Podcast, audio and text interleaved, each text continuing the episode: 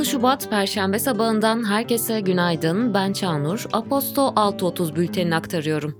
Bugünün bülteni TOÇEV'le birlikte ulaşıyor. Türkiye'de yaşanan felaketin acısını paylaşan TOÇEV Tüvan'a Okuma İstekli Çocuk Eğitim Vakfı, afet bölgesinde yaşayan çocuklar ve ailelerine barınma, temel ihtiyaçlar, beslenme, giyim, fiziksel sağlık ve psikolojik ilk yardım konularında gerekli yardımı sağlayabilmek üzere hepimizi destekte bulunmaya çağırıyor. Son durum Cumhurbaşkanı Erdoğan, AFAD Koordinasyon Merkezi'ndeki kabine toplantısının ardından Kahramanmaraş merkezi depremlerde hayatını kaybedenlerin sayısını 35.418 kişi olarak açıkladı. AK Parti sözcüsü Ömer Çelik, Sayın Cumhurbaşkanımızın talimatıyla Elazığ depremden etkilenen 11. il olarak afet bölgesi ilan edilmiştir. Bundan sonra depremden etkilenen 11 il olarak zikredeceğiz dedi. Depremden etkilenen Hatay'ın Defne ilçesinde haber takip eden Tele1 muhabiri Hazal Güven, silahlı kişilerin ekibine ait aracının yolunu kestiğini bildirdi. Güven olayı şu şekilde aktardı. Dakikalar önce yağmacılar Defne'nin biraz yukarısında önümüzü kesti. Silah çıkardılar. Kameraman arkadaşım Umutcan camları kapatıp manevra yapmasa başka bir şey olabilirdi. Hala ellerimiz titriyor. Bölgede güvenlik sorunu çok ciddi boyutlara ulaşmış durumda. Açıklamalar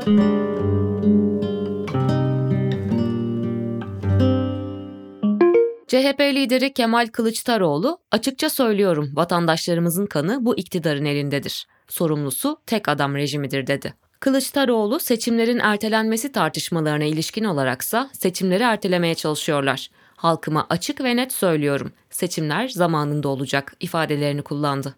İyi Parti sözcüsü Kürşat Zorlu ise seçim tartışmalarına ilişkin olarak Böyle bir günde, böyle bir dönemde seçim konusunun gündeme gelmesinden dolayı büyük üzüntü duyuyoruz. Seçim tarihi konusunu gündeme getirerek buradan bir siyasi rant sağlamaya çalışan kişilere inanmak gerçekten mümkün değil dedi. Ekrem İmamoğlu Fox TV'de yayınlanan Çalar Saat programına bağlanarak biz görevi devraldığımızda İBB'nin bizden önceki döneminin bitirdiği envanterde 40 bin ila 50 bin riskli yapıdan bahsediliyordu. Bizim yaptığımız çalışmada şu an itibariyle ağır ya da çok hasarlı yani yıkılma tehdidiyle karşı karşıya olan 90 bin yapı olduğunu düşünüyoruz. İş yeri olan da var, konut olan da var. Çok hızlı hareket etmemiz gerektiğinin farkındayız açıklamasında bulundu. Milli Eğitim Bakanı Mahmut Özer, depremden etkilenen 10 ildeki 3 milyon 784 bin 411 ilkokul, ortaokul ve lise öğrencisinden 5836'sının başka illerdeki okullara naklinin yapıldığını açıkladı. Bu 10 ilde kurulan çadır ve konteyner merkezlerini de eğitim kapsamına aldıklarını ifade eden Özer, Orada kalan öğrencilerimizi ücretsiz olarak okullarımıza götüreceğiz. Sıcak yemeklerini vereceğiz dedi. Bölgedeki 20.868 okul binasından 95'inin yıkıldığını aktaran Özer, buradaki 212 bin öğretmenin de idari izinde olduğunu ifade etti.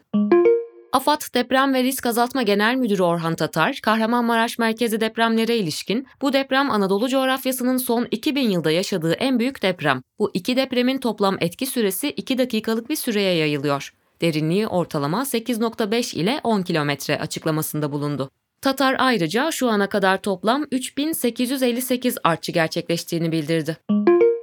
Kültür ve Turizm Bakanı Nuri Ersoy, deprem bölgesinde zarar gören kültürel varlıklarla ilgili tamamında hasar tespitini tamamladık. İnşallah çok hızlı bir şekilde tekrar restorasyon çalışmalarına başlayacağız dedi. Ekonomi ve iş dünyası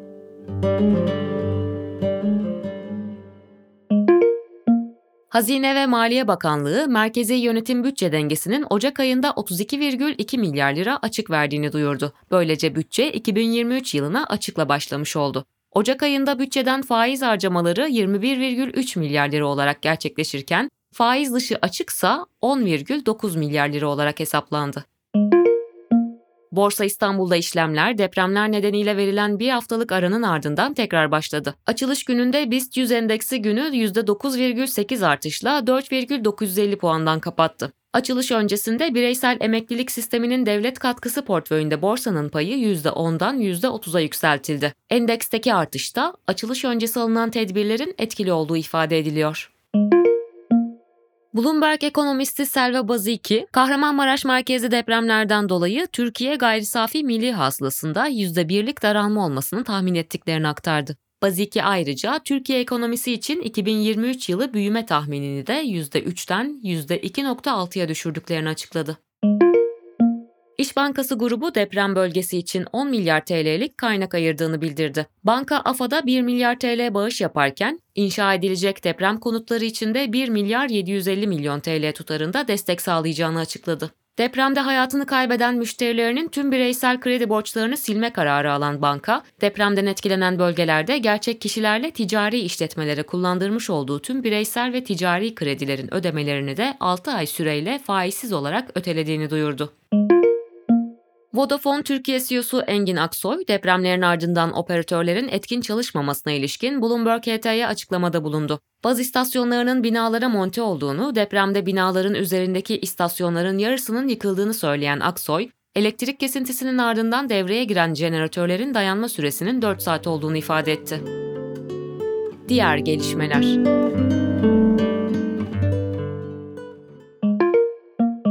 Türkiye Tek Yürek kampanyasına Türkiye Cumhuriyeti Merkez Bankası 30 milyar TL, Ziraat Bankası ise 20 milyar TL bağışla katılırken Vakıfbank 12 milyar TL, Halkbank da 7 milyar TL bağışta bulundu. CHP lideri Kılıçdaroğlu kampanyaya bir maaşını bağışladı. UEFA deprem mağdurlarına yardım için ilk etapta Türkiye Futbol Federasyonu'na 150 bin, afet bölgesindeki sivil toplum kuruluşlarına 50 bin euro yardımda bulundu. Haziran ayında İstanbul'da gerçekleşecek UEFA Şampiyonlar Ligi finali öncesinde ek bağış toplamak için de çeşitli etkinlikler organize edilmesinin planlandığı belirtildi. Metallica kendilerine ait yardım kuruluşu aracılığıyla Türkiye ve Suriye'ye 120'şer bin dolar bağış yaptı. Madonna sosyal medya hesabından deprem yardımları için takipçilerini ah baba yönlendirdi.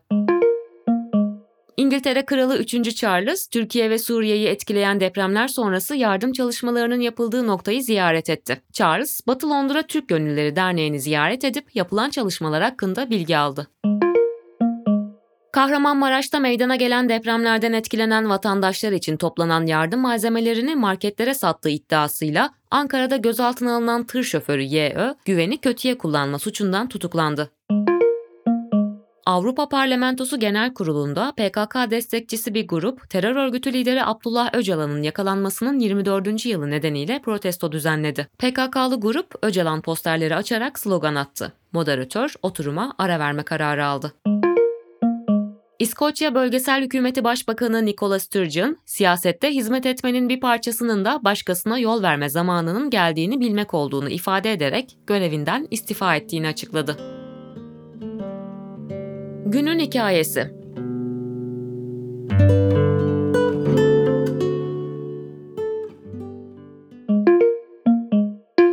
Yetki gaspı, bir nabız yoklaması. Sevgili ilk memirler sizler için kaleme aldı.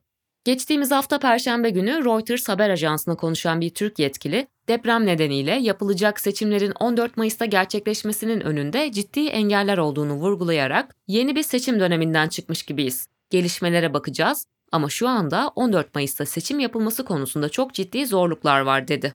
Pazartesi günü ise eski TBMM Başkanı Bülent Arınç, bazı gazetecilerin ve siyasetçilerin seçimin Mayıs'ta mı, Haziran'da mı yapılacağı konusunda tartıştığını öne sürerek, belki de tarihimizin en acı felaketini yaşadığımız bu günlerde ülke bir an evvel seçim stresinden kurtulmalıdır. Daha açık ve net ifade etmek gerekirse, ne Mayıs'ta ne Haziran'da seçim olmaz, olamaz. Seçimlerin ivedilikle ertelenmesi lazım. Bu tercih değil, zarurettir. Seçimlerin sadece savaş sebebiyle ertelenmesinin mümkün olduğunu söyleyenlere tek cevap yeterli olacaktır. Bu hüküm var ama anayasalar kutsal metinler değildir. Hukuki metinlerdir. Yasama organı her zaman anayasa maddesini ilga edebilir, değiştirebilir ve yenisini koyabilir dedi. Arınç'ın açıklaması sosyal medyada tartışma yarattı. Seçimin ertelenmesi tartışmaları konusunda genel tepki, TBMM'nin savaş hali ilanında bulunmadığı müddetçe herhangi bir ertelemenin söz konusu olmadığı yönünde gerçekleşti. Aposto konuyla ilgili olarak Galatasaray Üniversitesi Hukuk Fakültesi Anayasa Hukuku Profesörü Şule Özsoy Boyunsuz'la konuştu. Yazının devamı bültende. Sevgili dinleyenler, bugün 16 Şubat Perşembe ve Aposto Radyo'da 6.30 bültenini dinlediniz. Ben Çağnur, bugünün bültenini ben aktardım ve bugünün bülteni Toçev'le birlikte ulaştı. Haftayı yavaş yavaş tamamlarken herkese fiziksel ve psikolojik sağlık diliyorum. Tekrar buluşmak dileğiyle, hoşçakalın.